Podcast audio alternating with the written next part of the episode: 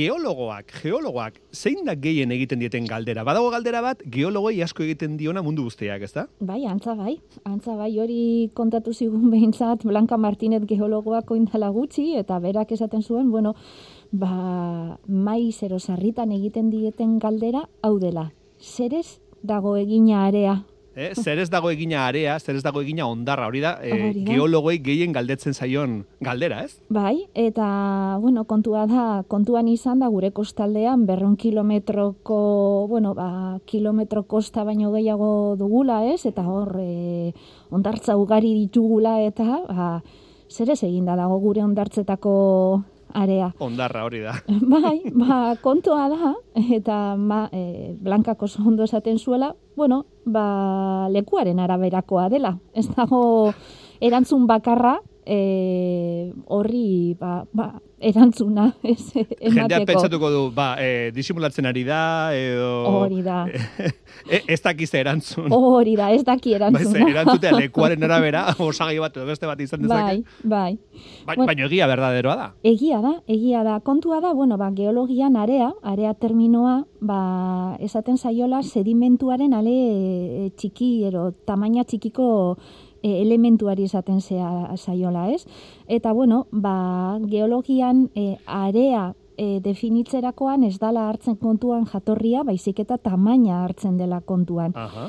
Ba, Esan sedi- duzu sedimentua dela area, ondarra, Bai, ez? hau da, Sedimentua da. Em, sedimentua normalean izaten da likido batean, bueno, ba, zintzilik ero esekita egoten den e, elementu bat, eta ondoan gelditzen dela Mhm. materia hori, Bai. denporaren poderioaz, leku batetik bestera joan ondoren, ba, pisua handiagoa duelako, e, likidoa baino, eta, bueno, ba, pausatu egiten dalako, Mhm. ez? Finkatu egiten dalako Bai. partikula horri, e, ondoan. Mhm. E, sedimentuen e, sailkapen bat e, em, eginez gero, bueno, ba, bi gauza hartzen dira kontuan. Alde batetik konposizioa, ez, aztertu egiten dute, eta beste alde batetik tamaina. Tamaina. Eta, bueno, azken kasu hau da tamainari zo eginez, ero jamon eginez, ez, ba, e, aurkitzen da, bueno, ba, area terminoa. Mhm.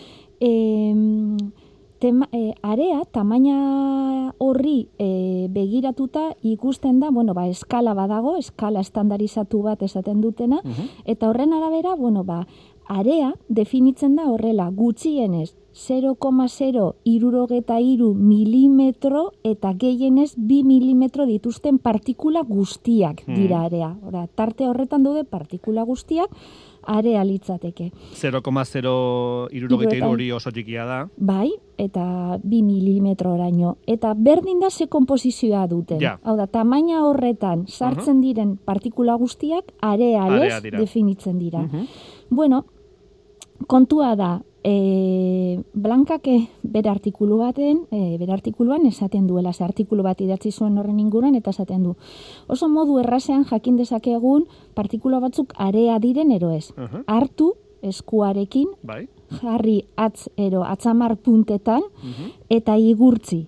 Igurtziz gero ikusten baduzue larrua salean urratu egiten dizuela Bai. ba, elementu horrek, ero sistatu egiten eh, dizuela latza delako ero, hori sumatzen baduzue, hori area da. Ah, bai, hori da, hori ondarrarekin gertatzen da, arearekin gertatzen da, ez? Bai. E, eskutan ibiltzen dugunean eta hori ez da, e, fuerte igurtzi ezkero, bai, Bai. ziztatu edo egiten du, ez? Pikatu egiten du pixka bat, ez? Bai, ematen du urratu egiten Bai. duela, ero, latztasun horrek, Bai. eta bai, ba, kontua da, ba, hori area dala, ero, Mhm. area deritzogu horri. Bueno, eta sailkatzeko e, moduak, bueno, ba, tamainari dagokionez ere, ba, sail, sailkapen batzuk daude, eta are, area motak daude, esateko. Badago area oso fina dena, eta da 0,0, oi 0,0 irurogeta e, iru milimetrotik 0,eundogeta bost milimetro tarteko Mhm. elementu horrekero, ba, area oso fina esaten zaio horri.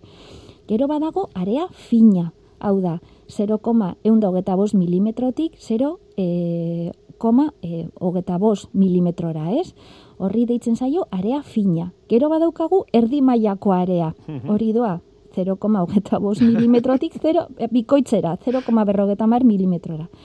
Gero badaukagu area lodia, doala 0,berrogeta mar milimetrotik milimetro batera, eta area oso lodia, eta da e, milimetro batetik ez, ba, bi milimetroko. Gaurko e, saio amaitu ondoren gure entzuleren bat igual mundakan edo lekeitu joango da pixu hartuta ondartzara, ondar pikorrak eh, pixatzera. Onda pikorra pisatzera.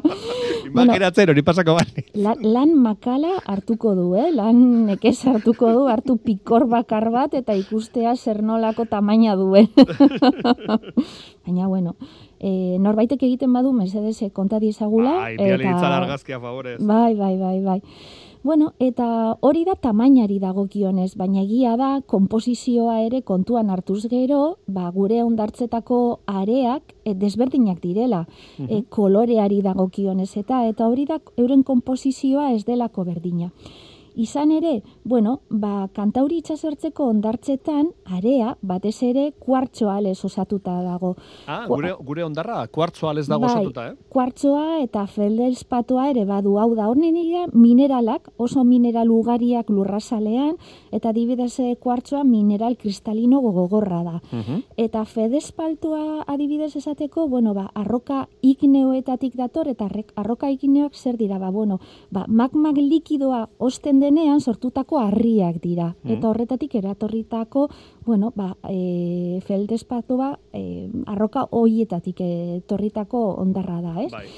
Kontua da, gure ondartzako area, e, mineral hoiez osatuta dago, baina baita ere itsasoko e, bueno, ba, beste elementuekin ere, esaterako oskolak, Oskolak. e, oskolekin, eta orduan Urtetan pilatutako eskolen aztarnak hor geratu dira, ez? hori da, Arean maskorrak, geratu dira. bai, Mhm. eta kontua da, bueno, bu- gure area, gure inguruko area, komposizio, ondartzetakoa, komposizioa mistoa duela. Mistoa. Alde batetik dituela mineralak, eta beste Mhm. batetik, bueno, ba, horrelako maskor eta oskolen eta arrasto ero zatitxo txiki-txikiak Bai. dituztela. Aldiz, Karibera joaten gara ere, bueno, joaten bagara, edo telebistan Bai. ikusten badugu edo pelikuletan, e, area oso txuria, oso garbia izaten da. Bai, kontua da em, horretan em, gehienetan dagoela itsas organismoen e, oskolekin e, zertuta dagoela, e, eratuta dagoela area, Mhm. eta organismo horiek, oskol horiek karbonatua dute, eta koral zatiak eta dituzte, eta hoien kolorea zurizka da. Mhm. Horregaitik dira zurizkak. Badaude ere tropikoan no, e, eta e, horrelako lekuetan e, oso zerak, oso ondartza kostalde tropikaletan eta subtropikaletan ondartza are zuridunak ere. Mhm. Horretan ere e, oskolak egonez gero badago ere kare harria ere badago.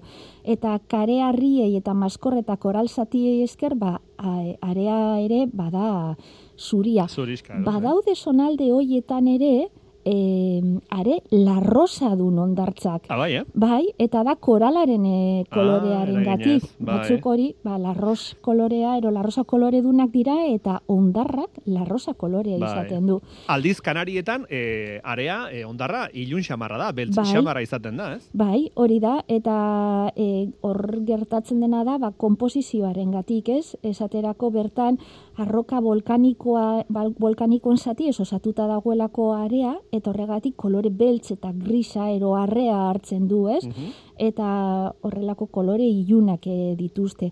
Esaterako kolore iluna dituzte ere e, Islandiako e, ondartzek bertan, bueno, ba, areak dauka e, kolore beltza, alde batetik arroka volkanikoetako esatiak e, dituelako areak, eta beste e, bat, badute ere tono horrelako berdeska bat, ba, mineral berezi bate dutelako are horretan eta da olibinoa. Eta olibinoa, bueno, ba, kristal mineral bada eta e, berdeska da. Eta horregatik, bueno, ba, Islandiako ondartzetan area da, bueno, beltz berdeska tonokoa, erotonukoa izaten da.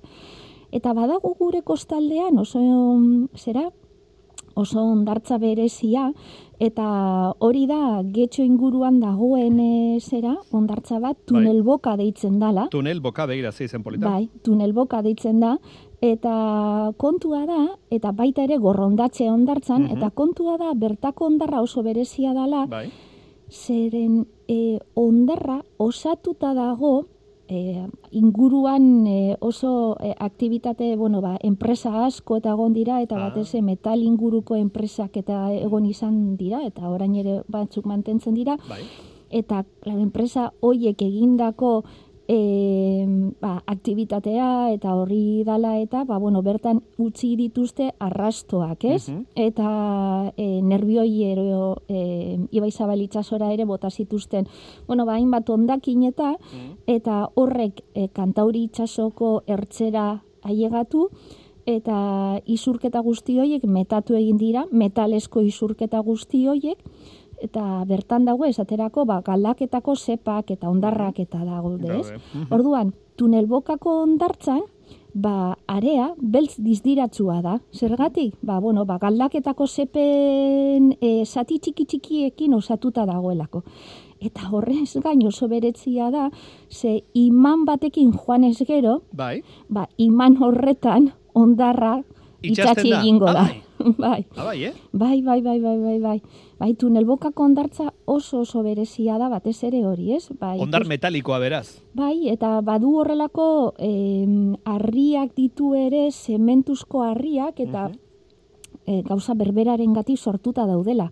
E, Beraz, tunel bokara edo gorrondatxe ondartzetara joaten bagara iman bat hartuta, Bai. itxatxi da geratuko zaigu hor ondarra, ez? Bai, bai, bai, bai, bai, hori da oso berezia e, horregatik. Eta, bueno, ba, kontua da, Ba, boriosoa. Mhm. em, ondartzeetako area kolore desberdinetakoa dela, ba, e, sorburuan duten e, ba, e, mineralen jatorrien e, gatik. Bai. Eta ikusiko dugu munduan zehar badaudela, ba, hori ondartzak e, are horidunak, gorriskak, larrosak, beltzak, berdeak, eta mila kolorekoak. E, San Franciscotik gertu dituzen ondartzetan, e, area ze koloretakoa da, Maixa?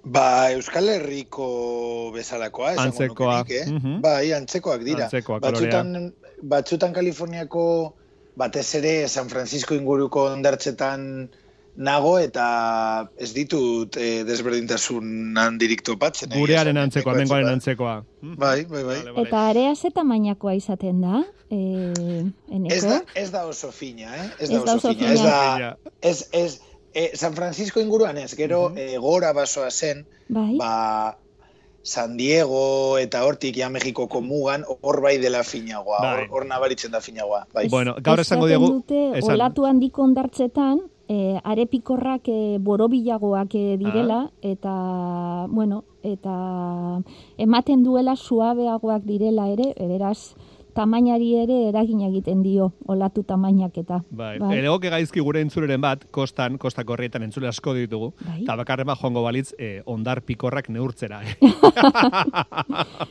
Benetan egiten badu, saria merezi du, eh? Emango diogu sari bat.